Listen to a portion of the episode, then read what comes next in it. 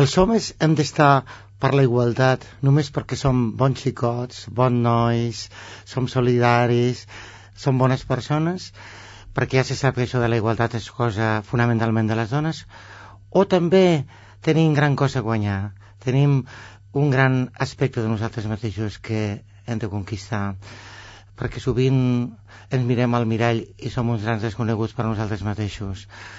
Tenim molt a guanyar amb la, amb la igualtat dels homes,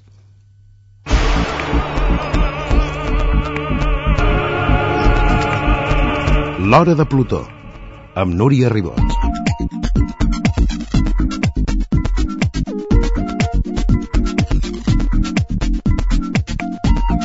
Què vol dir ser home avui dia? Què esperen els homes de si mateixos i què n'esperen els altres? Com es relacionen entre ells? I amb les dones? Se senten amenaçats? Com se senten els homes en aquesta època que els ha tocat viure? Quines inquietuds tenen? Quins reptes se'ls hi plantegen? Avui, a l'hora de Plutó, parlarem sobre homes que volen fer una revolució. Diuen que cada home és una revolució interior pendent. Juanjo Compairé és professor i soci de AIG Catalunya, l'Associació d'Homes per la Igualtat de Gènere. Juanjo, molt bona tarda.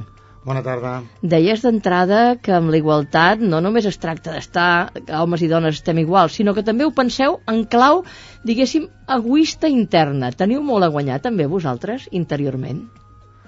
Home, jo crec que tenim molt, que tenim molt, molt a guanyar. Molt a guanyar perquè mm, gran part d'aquelles pors que hi ha darrere de, de, del poder, del domini, de l'ànsia de possessió, que ha estat associat històricament a la masculinitat venen precisament d'un gran desconeixement de nosaltres mateixos, un gran por a, a què passarà si algun dia ens mirem a nosaltres mateixos i surt aquella part fosca, com aquella, eh, la novel·la, no?, eh, eh, el, cor, el cor de les tenebres, no? aquell continent del centre d'Àfrica que en les mapes de geografia del segle XIX apareixia com la terra ignota, no? terra desconeguda que, que és el, el continent del, de l'horror, de la por, no? Mm. Què passarà si algun dia ens mirem a nosaltres mateixos? I com que això ens fa molta, molta por, molta por, doncs eh, gran part dels problemes de violència, d'agressivitat mal controlada, de ràbia que tenim, mm, crec que tenen a veure molt amb aquesta por que tenim a, a descobrir-nos a nosaltres mateixos. I la relació amb les criatures i amb les dones és, sovint és una relació que intenta ser de domini, és una manera d'intentar controlar, intentar mm, d'una manera obsessiva eh, controlar el territori, és una cosa molt masculina això de controlar el territori, no? Controlar el territori, marcar les fronteres, mm, intentar controlar algo que se'ns escapa de les mans, perquè uh -huh. la vida s'escapa. I a més heu estat educats així, i clar, i les dones també han participat d'aquesta educació que us han posat en primera línia, vull dir, nosaltres també tenim que fer una mica de mea culpa, vull dir, l'educació, les mares ancestralment, no? Aquest lloc privilegiat que heu tingut sempre els homes a la casa des de petits. Jo recordo de petit que m'aixecava de... Bueno, no, me n'anava a dormir a la nit i el que feia era treure'm la roba, tirar-la a terra, i ja vendria la meva mare a recollir-me-la de terra, no? I, i bueno, i així he estat educat i suposo que no sóc un cas especial, no? Eh, estem acostumats a que bueno, el, el món gira al nostre voltant, no? I, i clar, deia una, deia una amiga meva mmm, que abans de que els homes eh, parlem de la nostra identitat i tal, seria una cosa com els americans, bueno, tu que has estudiat molt, els americans els coneixes molt de prop, no? És com si els americans volguessin estudiar la seva americanitat, no? Potser el primer que haurien de fer és deixar de situar-se en el centre del món i pensar que quan ve un extraterrestre ha de caure necessàriament sobre els Estats Units, no? És a dir, deixa de veure's al centre del món. I a partir d'aquí ja podem començar a parlar. Eh, a nosaltres, als homes, ens costa eh, deixar de considerar-nos de, eh, en el centre del món. Uh -huh. Però fixa't aquesta conversa, aquest grup que estàs tu que pertanys a l'Associació per la Igualtat de Gènere, d'aquests grup d'homes que està a Catalunya, que està a Andalusia, són pocs, s'ha de reconèixer que són pocs, però la veritat és que penso que se'ls ha de donar veu i que sigueu capaços, com tu ara estàs dient. Hem estat al malic del món i, i bé, potser hem de començar no només a compartir, sinó a intentar que aquestes emocions que tenim dintre, mm, per aquesta forma que ens han educat, s'han quedat sempre dintre, no? De, I no els heu pogut treure fora fora, com normalment les dones estem més acostumades, no? Les dones som mm. les que plorem més sovint, està ben vist, en canvi un home que plori no està ben vist. En el poder la llàgrima mai està ben vista. Fixa't tu l'altre dia la Hillary Clinton, en un moment determinat, que ho està passant molt empatat amb l'Obama, li cauen les llàgrimes, com que és una dona poderosa i forta, que la comparen molt poder igual a home, diu, ho haurà fet per fer comèdia, per tocar-nos el cor? I en canvi amb una altra dona qualsevol ho trobaríem normal, aquesta llàgrima amb vosaltres tampoc és normal, no?, la llàgrima. Bueno, eh, aquí tenim encara tota aquesta idea, ja no de, de, de la nostra educació, això ve de mil·lennis, no? Des de, des de la Grècia clàssica, no? Tu mires allà... El... Bueno, hi ha algun mite, nosaltres hem recuperat algun mite, precisament la revista que hem muntat eh, l'hem titulat Orfeu, perquè volem recuperar aquell mite d'Orfeu, però mireu, si on mira els mites clàssics, i els mites medievals, els cavallers, l'armadura, en fi, és aquella sensació d'estar engaviats en una cartronats, limitats. Mm, a més és una sensació que mai s'és prou home. Sempre s'ha d'haver de demostrar és una angoixa tremenda.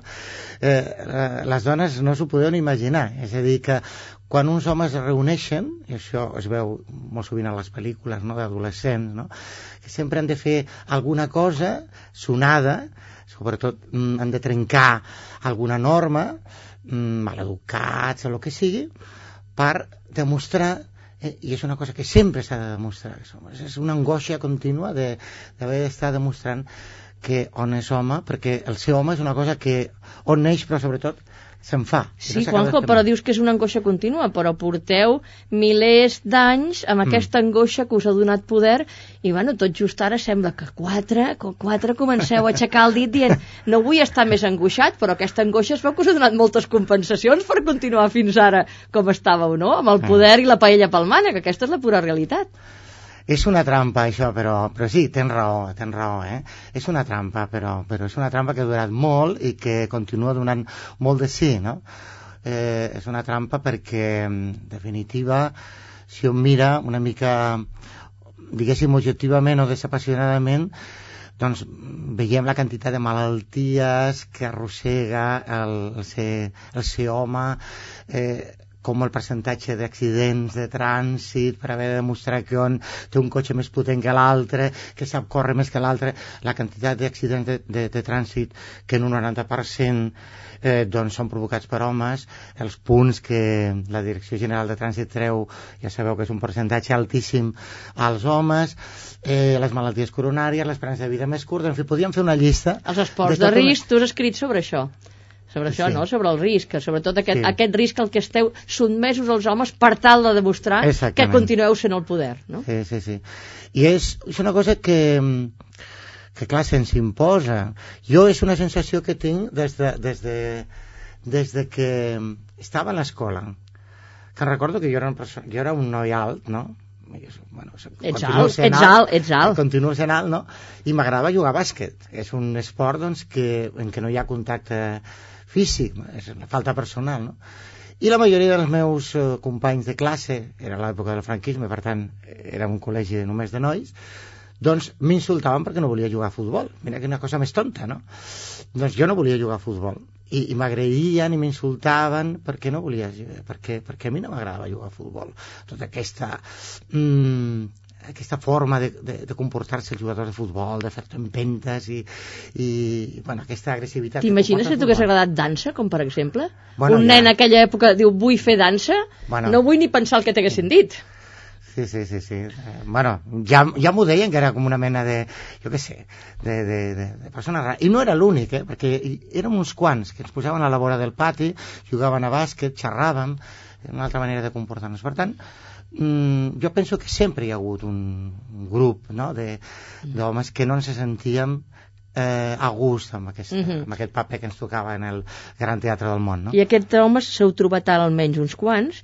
Mm. Acabes de dir que heu fet una revista, es va presentar fa pràcticament un, un mes, una revista que està a l'accés per, per internet, que es diu Orfeu, i voleu recuperar aquest mite. Recorda'ns, a veure, aquest mite d'Orfeu. Per com es guia aquesta revista?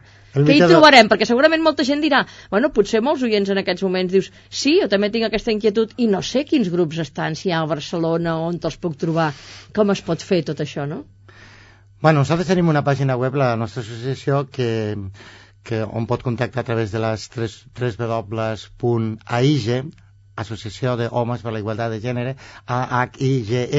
ahige.org, en el qual tr- trobareu la revista estatal, perquè hi ha una revista estatal, perquè el, el nucli fonamental de la nostra associació és Andalusia, curiós, però l'associació va néixer a Màlaga, o sigui, som com una mena de perifèria, no?, Mm, i tenim una, una revista en català que, que es diu Orfeu que correspon a la secció catalana d'AIGE i aquesta es pot trobar també penjada a la pàgina web no?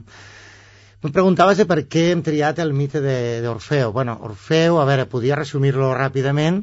És aquell príncep del Peloponès que enamorat, per tant amb un amor molt poderós, enamorat d'Eurídice, la seva dona mm, doncs es troba desesperat perquè la seva dona ha estat picada per una serp i desesperat intenta lluitar contra, contra la mort i gràcies a que era un gran músic, per això el patró de la música, els orfeons, no ve d'aquí. La cosa, doncs mm, armat només amb la seva lira amb la, per tant amb el, la seducció de la música doncs és capaç d'entrar a les portes de l'infern mm, convence al cancerbé que li deixa entrar al món dels morts per rescatar la seva enamorada i quan ja la té, té convençut el príncep dels Hades, de l'infern, no? el té convençut i, i li deixen fer una excepció que primer cop una, algú que ha visitat el món dels morts pugui retornar a la vida, pugui ressuscitar, és la seva enamorada, li diuen, bueno, ha de ser amb una condició, que no, te, no et giris a mirar si darrere teu ve la teva Eurídice. I bueno, ell no pot aguantar la curiositat, no? I es gira i aleshores Eurídice desapareix per sempre. Ell desesperat, doncs, serà, al final, doncs, acabarà amb un final molt terrible i serà adoptat per Apolo, que és el gran déu dels grecs, com a fill de Déu, no? I, i serà les seves despulles seran repartits per tot el món, per això diuen que la música és el gran llenguatge universal en què tota la humanitat ens podem entendre gràcies, gràcies a la música, és el llegat d'Orfeu. Nosaltres hem recuperat aquesta, aquest mite, o pensàvem que podia ser un mite interessant perquè era per aquesta qüestió de, de la valentia, però la valentia no unida a la violència o a les armes, eh, que és lo tradicional, sinó amb la seducció, doncs amb l'encant, amb la, la música, amb la sensibilitat, no? En fi, que era mm, un model de- d'home que a nosaltres ens agradava. Uh -huh. Eh? I aquest és el model d'home, el que voleu retrobar i el que esteu, diguéssim, discutint i el que voleu reivindicar. Bueno, més que reivindicar, discutir, lluitar, que són unes paraules lligades a la lluita i Clar, amb un fixa't, món... el vocabulari que estic amb un, utilitzant. un vocabulari molt masculí, eh? seria... Mm, nosaltres ens agrada més de crear grups de suport, de, de suport mutu, de- d'ajuda, de, de coneixement, de... Això, sobretot de suport, no? Perquè, eh, fixa't en les... Jo també he fet, bueno, una, una part de la mili, no?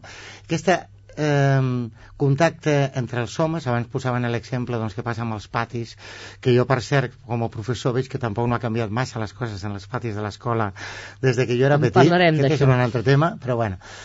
En altres ambients masculins, per exemple en l'exèrcit i tal, hi ha una convivència entre els homes però una dificultat de comunicació mm, anem a un bar, podem parlar de política, de dones, això són temes clàssics, fent acudits de més o menys bon o mal gust, no? Sobretot si són mm, vers o tipus Mhm. sexual.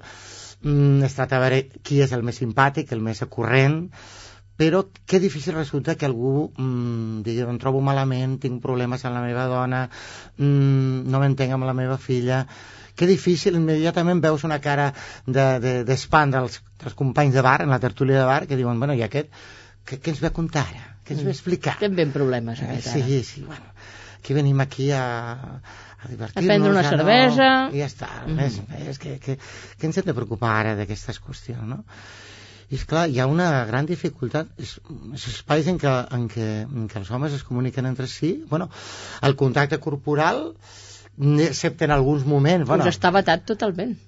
Bueno, sí, quan hi ha un gol, no? Quan un gol, aleshores s'aprofita tot el que no has pogut fer entre tant per abraçar, tocar, jo què sé, donar una, una clatellada al cul del, del, del col·lega, cosa que en una condició normal seria mal vist. Direm, mira, aquest, jo què sé, Eh, no? sí, sí, que, que li sí, toca el sí. cul a l'altre, bueno, Exacte, en fi. exacte.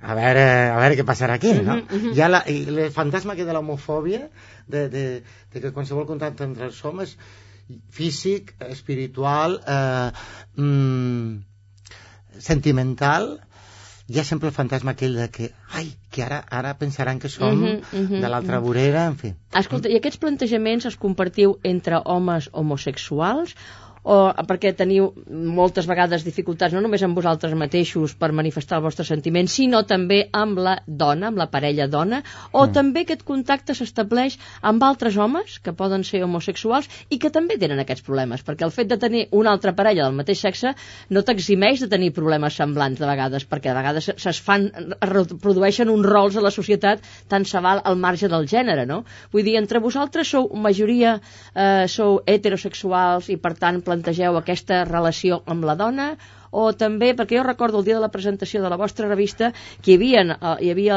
alguna, algun home homosexual que tirava encara també, eh? suposo que ells també tenen els seus problemes i, i ho trobava una mica com tancat, vull dir, est- estan parlant entre ells, els heterosexuals, de voler treure les seves emocions, però nosaltres també, sembla que també tenen els seus problemes com els altres, no? Com a homes que són.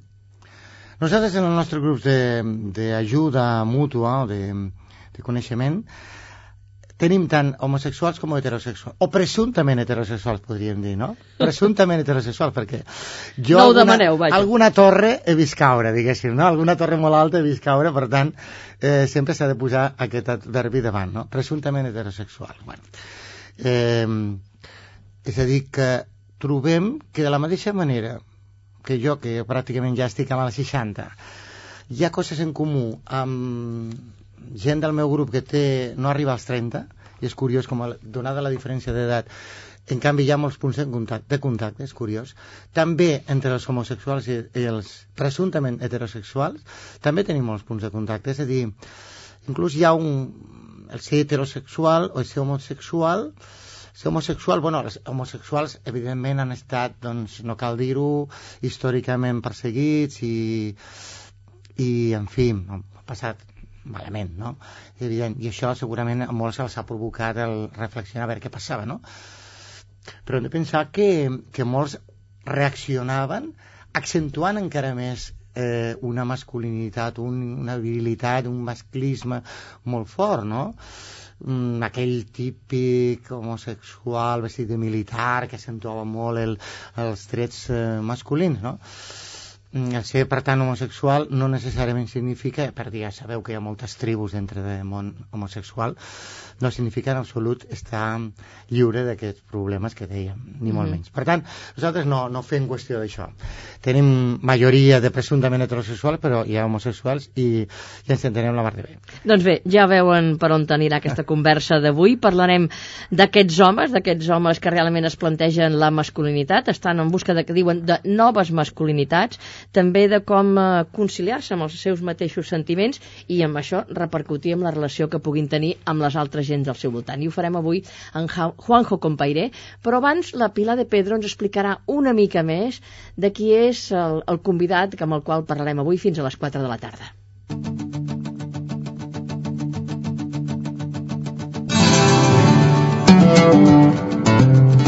Juanjo Compairé diu que es va començar a interessar per les relacions home i dona i les qüestions de gènere com a resultat d'un procés personal.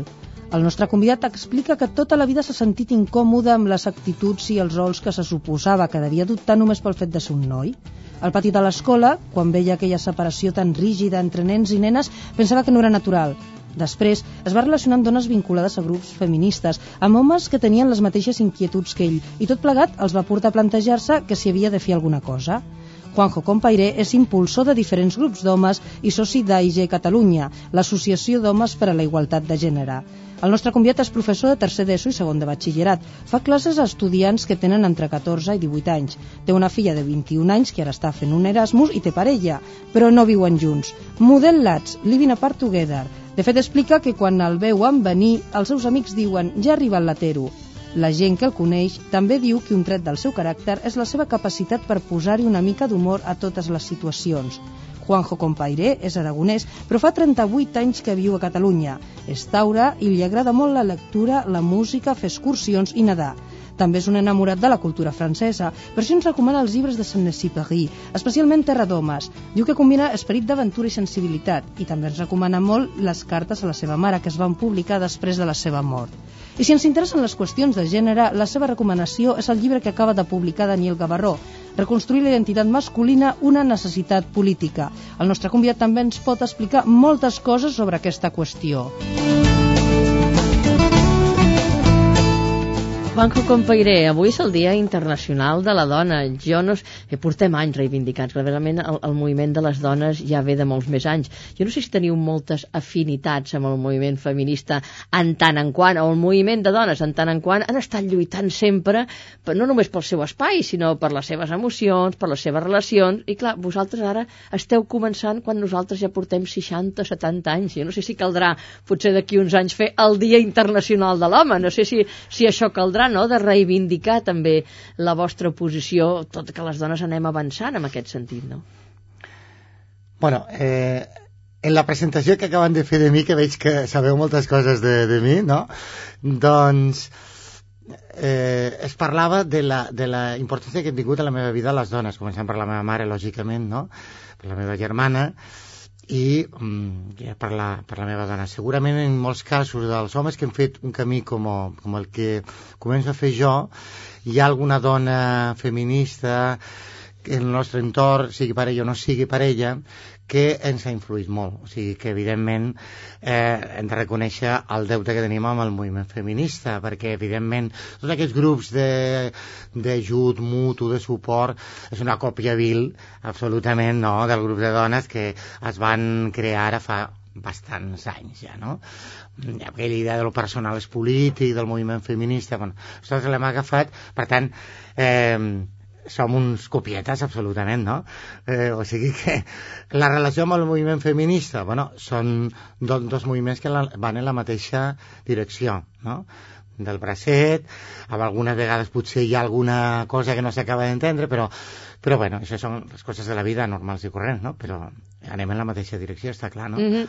Tu acabes de dir, diu, el camí que començo, que he començat a fer jo, abans parlaves, tinc quasi 60 anys, el camí que començo a fer, o sigui que tampoc portem tants anys en aquest camí.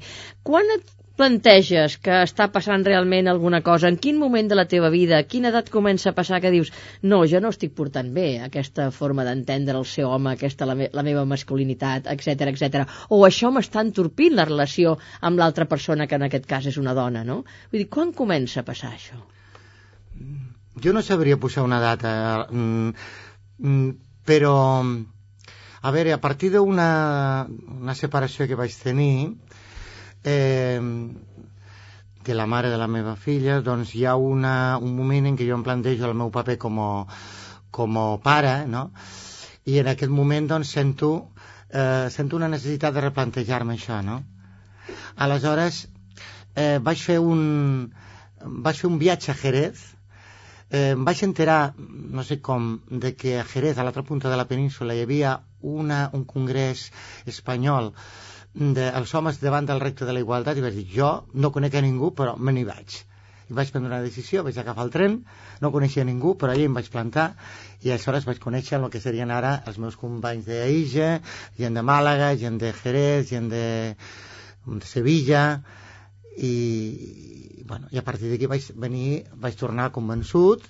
Era l'únic català que hi havia en aquell, bueno, hi havia algun altre que després han coincidit però bueno, érem dos o tres que venien de Catalunya, i, i bueno, a partir d'aquí vaig intentar diverses vegades intentar crear grups d'homes aquí a Barcelona, no resultava, era molt difícil, una vegada, dues vegades, tres, a la quarta eh, vegada aprofitant que hi havia al Centre de Cultura Contemporània de Barcelona un, un seminari, no un simpòsim sobre les mas masculinitats, ara doncs ja cinc anys, doncs vaig llançar, vaig agafar el micròfon i vaig dir, bueno, aquells homes que, que són aquí i que vulguin participar en un grup d'homes, que, que s'hi apuntin. I s'hi van apuntar uns quants, i aquí va començar la història. Després alguns d'aquests han continuat eh, i s'han apuntat ahir i altres no, depèn. Uh -huh. És curiós, no?, surt que jo recordo també fa més de 10 anys aquests grups d'homes que van començar reaccionant en contra de la violència, de la violència dels homes, i van començar, diguéssim, aixecant la veu dient ei, és que nosaltres no som igual que els altres. I van començar a Granada, a Sevilla, a diferents llocs. Estic parlant de fa ja quasi bé pràcticament 10 anys d'aquesta situació. I és curiós que Andalusia, que sempre tenim aquesta idea del masclisme més exacerbat, que aquí, en canvi aquí a Catalunya no existien aquests moviments no deixa de ser curiós, no?, d'aquest plantejament d'aquests homes, que suposo que serien una mica la llavor de la IG que és actualment, d'aquestes associacions per la igualtat de gènere. La cosa és més antiga, eh? ja fa més de 30 anys que a València es va fundar el primer grup d'homes per una persona molt estimada per tot el moviment que es diu Josep, Josep Vicenç Marquès, que va ser els primers que van organitzar autèntiques eh, no manifestacions, feien actes que avui diríem happenings, no? O performance, no sé. Per exemple, doncs, eh, cada vegada que s'enteraven, parlant dels anys 70, eh? Mm -hmm. que, que havia una dona que havia estat maltractada o que havia estat objecte d'una violència de gènere, que havia estat assassinada, doncs anaven a portar rams a la porta de casa seva, coses d'aquest estil. Això es feia als anys 70, a València.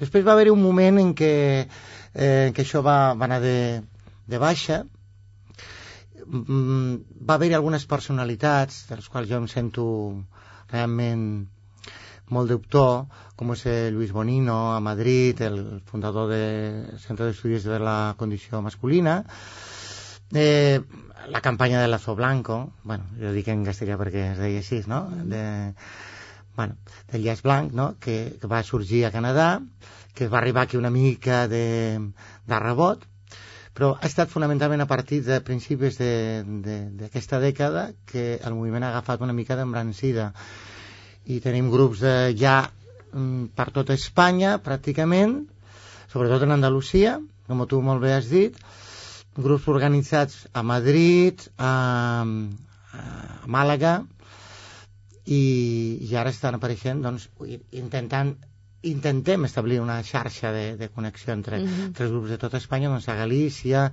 a la Conista Cantàbrica, Astúries i per allà. Uh -huh. Suposo que es parteix d'una reflexió del que realment podrien dir us ha robat el fet d'interpretar aquest rol de, diguéssim, de poder masculí entès d'aquesta forma de poder.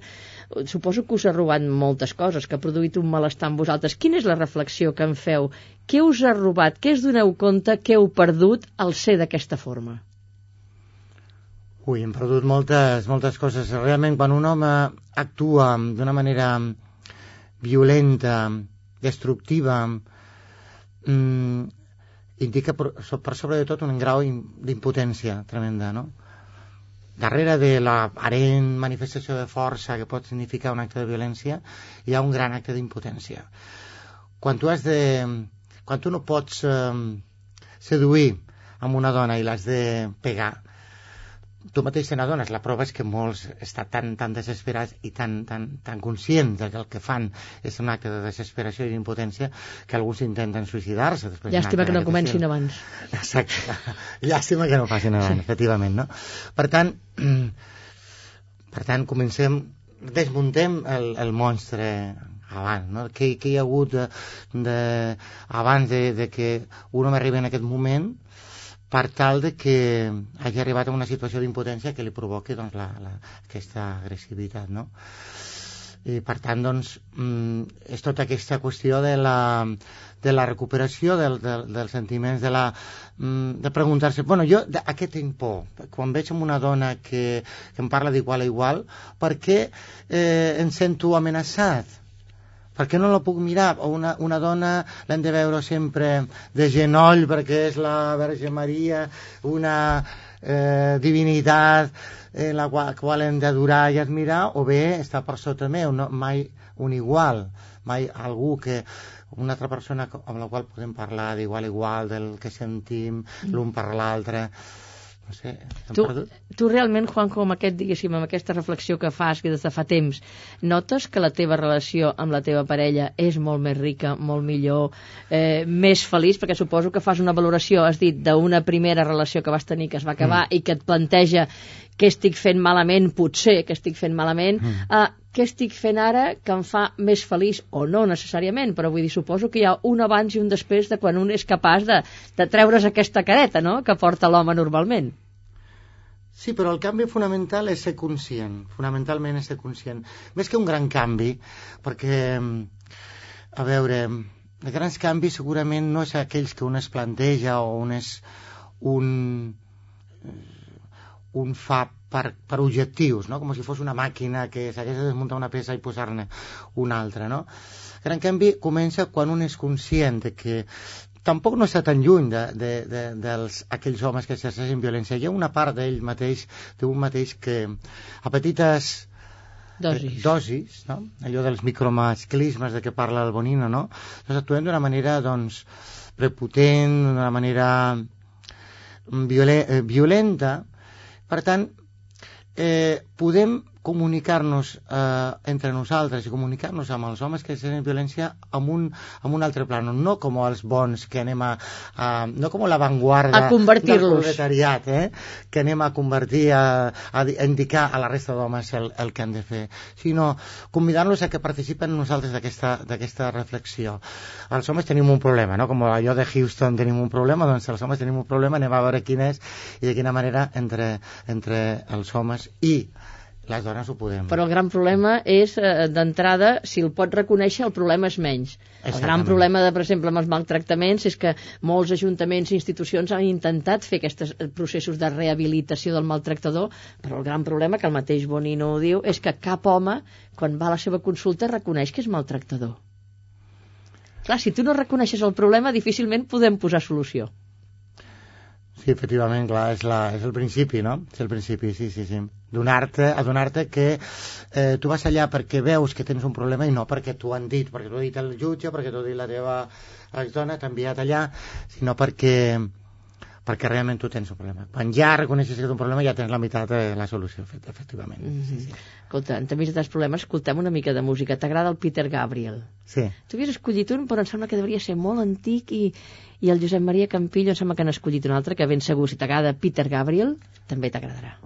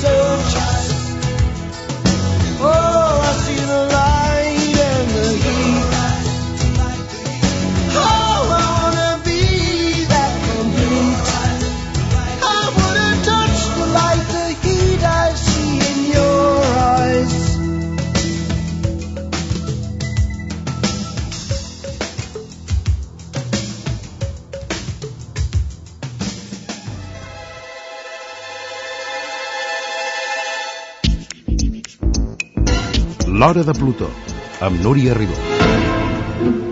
I avui continuem la, la conversa amb Juanjo Compairés, professor, i és membre d'AIG, que és l'Associació per la Igualtat de Gènere de Catalunya. I estem parlant d'aquesta nova masculinitat, d'aquest camí que han, que han començat a fer un munt d'homes que no només volen estar en les mateixes condicions que les dones, que això hi ha molts que són educats així, Juanjo, vull dir que la gent més jove són educats en igualtat, però jo recordo que el dia de la presentació, per exemple, un de, dels membres companys teus deia a mi a casa m'ha- m'han educat amb la compartir totes les tasques, tot això que de vegades reclamem, però això és una qüestió física, diguéssim, que l'aprens i res més. Diu, però en canvi, eh, emocionalment, a mi no m'han ensenyat a, a, a veure amb les meves emocions, a, a poder-les obrir, a poder anar tranquil com aneu vosaltres. Vull dir, aquest és el gran dèficit que inclús té la gent més jove actualment, no? Bueno, hi ha molt de mite respecte d'això de que, de que ara es comparteixen més les tasques domèstiques. Eh? Uns quants, almenys Jo- uns quants. Eh, I, I no diuen compartir, que diuen ajudar. ajudar, etc. Val. Eh, jo treballo aquest tema amb els meus alumnes perquè sóc professor de ciències socials.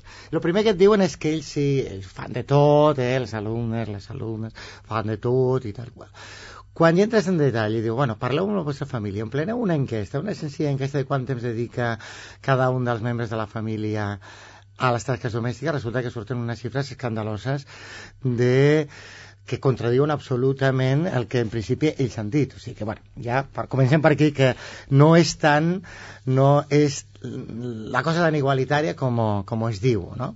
Però, bueno, suposo que s'ha avançat alguna cosa. Ara, en lo que és més personal, lo que és la forma de relacionar-se, els nois entre si, els nois i les noies, jo la que observo en el pati de l'escola o a la classe o a l'entrada de classe, ara ho comentava, no? ara fa un moment, de quina manera haurien de posar jo tinc alguna vegada les ganes de, de posar una gravadora de vídeo a l'entrada de, de la classe de tercer B i, i gravar de quina manera entren els nois i entren les noies. Les noies entren, bueno, més o menys normal, hi ha alguna que potser està més esvalutada, depèn de, de l'hora del dia també, no?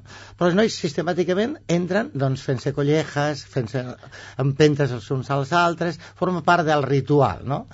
Que bueno, no passa d'aquí, això és una broma, un bon rotllo i tal, però marca molt, eh, marca molt el que s'entén per ser noi actualment. És a dir, continuem amb aquesta història de que per socialitzar-se com, com noi tenim els models aquests de que utilitzar la violència, encara que sigui una violència de petita intensitat, de broma, eh?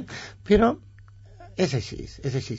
Després, aquells nois, aquells nois que volen controlar la comunicació dintre de l'aula, que mm, com volen portar la veu cantant, com volen mm, seduir les, les noies més intel·ligents, en fi, estem en una història que jo no diria que és massa Estàs diferent. desanimat? Estàs desanimat? Massa diferent, dius, dels teus temps, potser.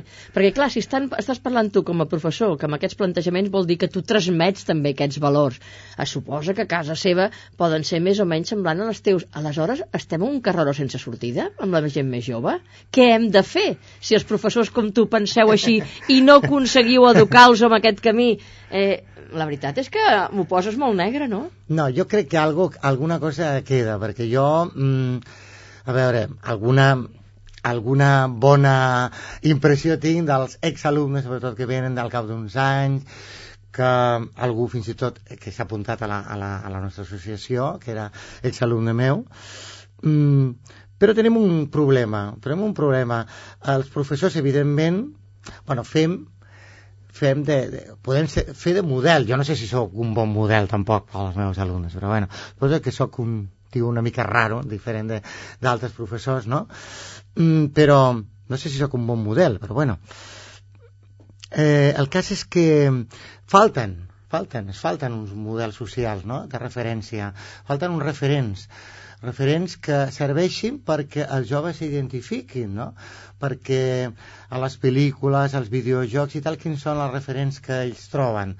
Són referents molt lligats a la masculinitat tradicional. Falta falta eh, que els hi presentem, jo és una cosa que intento treballar a classe, presentar doncs, la figura de Gandhi, la figura de personatges d'aquest estil, no?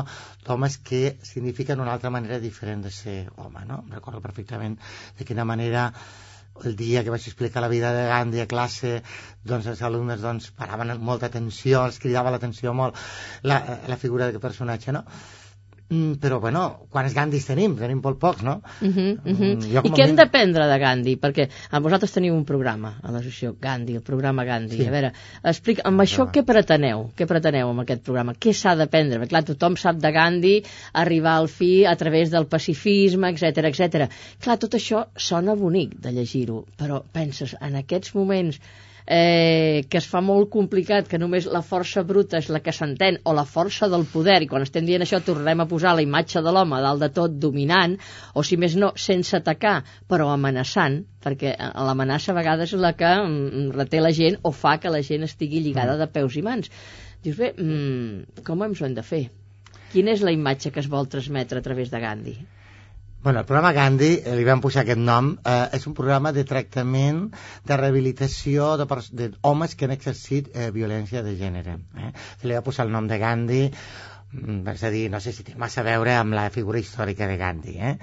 És a dir, es diu programa Gandhi per això, perquè és un programa molt personalitzat que el que intenta això no ho fem aquí a Catalunya perquè encara no tenim prou infraestructura, encara que hi ha un membre de l'associació que dintre d'una institució que es diu IRES, que és una institució subvencionada per la Generalitat, per la Diputació, etc., doncs fa rehabilitació o intenta fer rehabilitació d'homes que necessiten violència. Programa Gandhi que es desenvolupa a Màlaga treballa individualment amb homes que necessiten violència intentant recuperar la part eh, positiva, la part eh, que tot home té, tota persona, tot ser humà té d'haver estat estimat, d'haver estimat algun moment de la seva vida, no? A partir d'aquí, intentar reconstruir la personalitat d'aquesta persona. Eh? Mhm. I se li va posar el nom de Gandhi, però bueno, no, no és una referència històrica, eh? Simplement... Jo, jo no sé si tu has arribat a parlar mai amb un maltractador, o és possible, o relacions més o Sí. menys directes. Eh, jo sempre em pregunto per què? Per què? Per què? El per què de la violència, no? El per què arribar a matar, com arriben a matar a una persona que suposadament és la que més estimes, etc etc. Per què se la maltracta? Per què un no arriba i dius, bueno, s'ha acabat, aquí no hi ha convivència, adeu, tanquem, ens separem, i em demano sempre, per què? T'ha donat algun per què? Bueno, en primer lloc el que et diuen mm, el que et diuen és fonamentalment jo no ho he fet és a dir, bueno, s'ha exagerat molt jo li he vist una empenta eh, clar, jo no he tingut no he parlat amb persones que hagin assassinat diguéssim, eh? sinó simplement que han fet algun... Que han maltractat. maltratat, bufetades, aquest estil coses d'aquest estil, no? Bueno, jo simplement feia una empenta, o sigui, neguen quan ja entres més en un en un terreny personal i comença, eh, comença a sortir el que realment ha passat eh, se senten malament i diuen, bueno, és que vaig perdre els estreps en aquell moment no es podia controlar, no em podia controlar i, i és com una cosa que és com un suposo que els hi deu passar als alcohòlics no? que sempre tenen aquella idea de que ai, si bec un, un got tornaré a ser alcohòlic no? eh, si torno a trobar-me una situació em tornarà a sortir aquell monstre que porto a dintre aquesta és com si hi hagués algun, un, algú dentro de- d'un mateix que un ha treballat i que pot sortir en qualsevol moment i per tant eh, la persona en si està com bastant com bastant vigilant d'ell mateix no? però clar, sempre ser molt molt amatent de que, de que torni a sortir. Però per què, per què fan? Per què s'arriba amb aquesta amb aquesta situació? Bueno hi ha moltes cançons no, que ho expliquen aquest sentiment, no? La meva perquè era mia, i coses d'aquí. Uh -huh. I, la, I la situació de la dona, diguéssim, en el mercat laboral, a la societat, allò que senten que els hi han pres la cadira, té alguna cosa a veure? Allò que els hi han mogut la cadira, que ja no tenen el poder que tenien? Ah, bueno, sí, això és un sentiment bastant bastant ge- generalitzat, no? Però no solament en el mercat laboral, sinó en el terreny de les relacions personals, en la, eh, les dones són bueno, inclús les alumnes, ja parlo de, de la meva experiència com a professor, no? Veus com les alumnes tenen molt sovint, eh? És més freqüent trobar, sobretot en un professor de lletres, en què tenim moltes alumnes, no? Eh, una gran decisió, mm, capacitat, tenacitat, no? Eh, iniciativa. Eh? i això mm, això talla molt talla Descol·loca molt, els nois? descol·loca, descol·loca, sí continua descol·locant inclús, mira, mm, diria una cosa conec el cas d'algunes noies que són, que tenen un, una certa corpulència que són, ja físicament imposen i, i, i, i, que, que els nois mm, els, les defugen les defugen perquè, perquè mm, clar, un noi que sigui més baix que una noia que per tant no pugui inclús ja pura, purament des d'un punt de vista extern no? aparèixer com més potent, en fi, allò que li posaven al Clark Gable, que li posaven una cadireta per, pugés més alt i pogués fer el, els petons de dalt a baix i no a l'alçada, no? Doncs igual, estem en la mateixa situació. Eh, bueno, és això de, de tenir sempre aquesta necessitat de- d'estar per sobre, no poder estar a, al mateix nivell, sempre, o per sota o per sobre, Mhm. però mai al mateix nivell. Escoltem més música, escoltem el John Lennon, Jealous Guy, eh? un noi gelós. I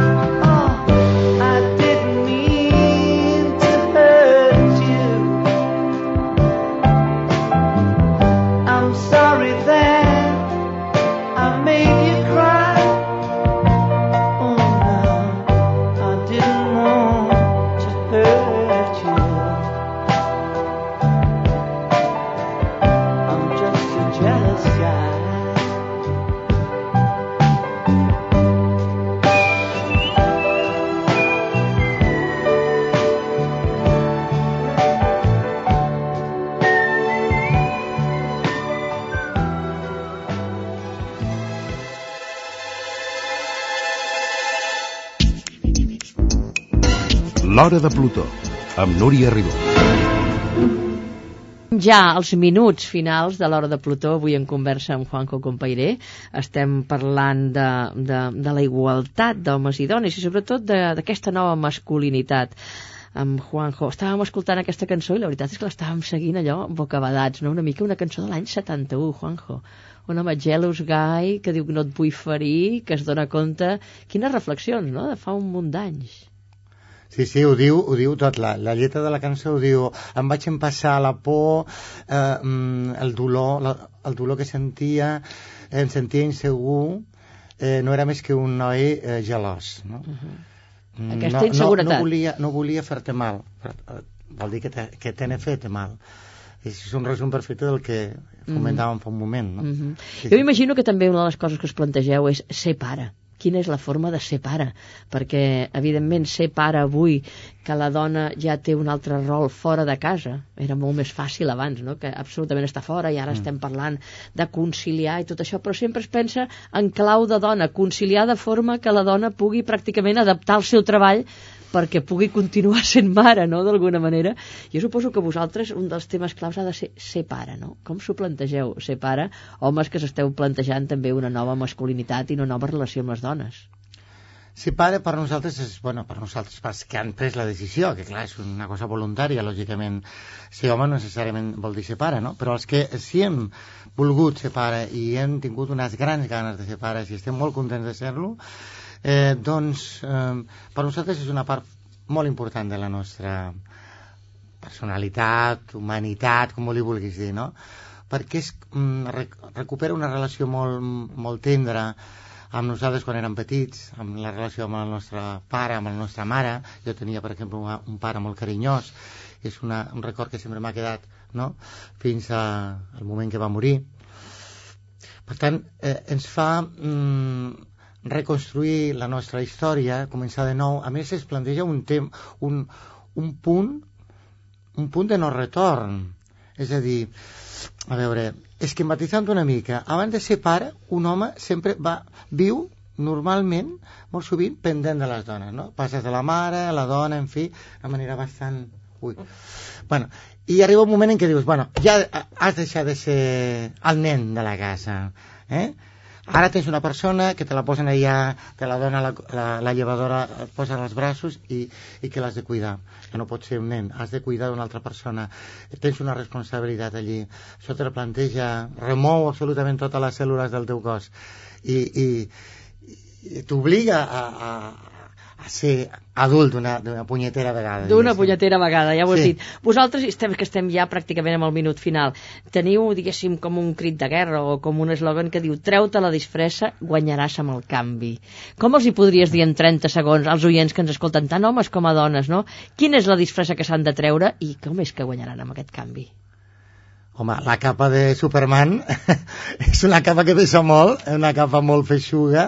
El, el, ser, el haver de ser eh, el més simpàtic, el més enrotllat, és, un, és molt pesat, és molt pesat. Eh? És una gran alliberament, és un gran alliberament el treure's aquesta disfressa. Realment, eh, que podem provar-lo, podem ajudar-nos, podem ajudar-los a, a les persones que s'acosten a nosaltres, sortiran guanyant i sobretot eh, podran respirar tran més tranquils de lo que, de lo que estan Es trauran un pes de sobre, en definitiva. Exactament, sí. Bueno, i a més ja teniu aquesta adreça que ho dèiem al començament.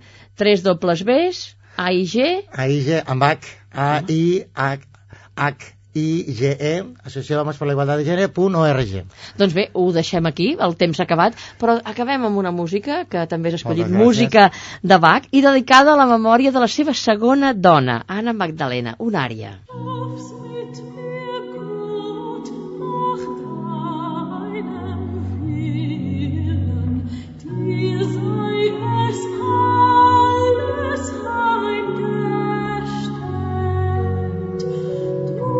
I amb Bach posem punt final a aquest programa. Gràcies, Juanjo Compairé. Gràcies també a tots els oients per acompanyar-nos en nom de tot l'equip, de la Pilar de Pedro, els guions de la Dolors Joanola a la producció i del Josep Maria Campillo a les vies de so. Ja ho sabeu, tenim també un correu electrònic per qualsevol comentari, plutó arroba catradio.cat. Gràcies, Juanjo. Moltes gràcies a vosaltres. Adéu.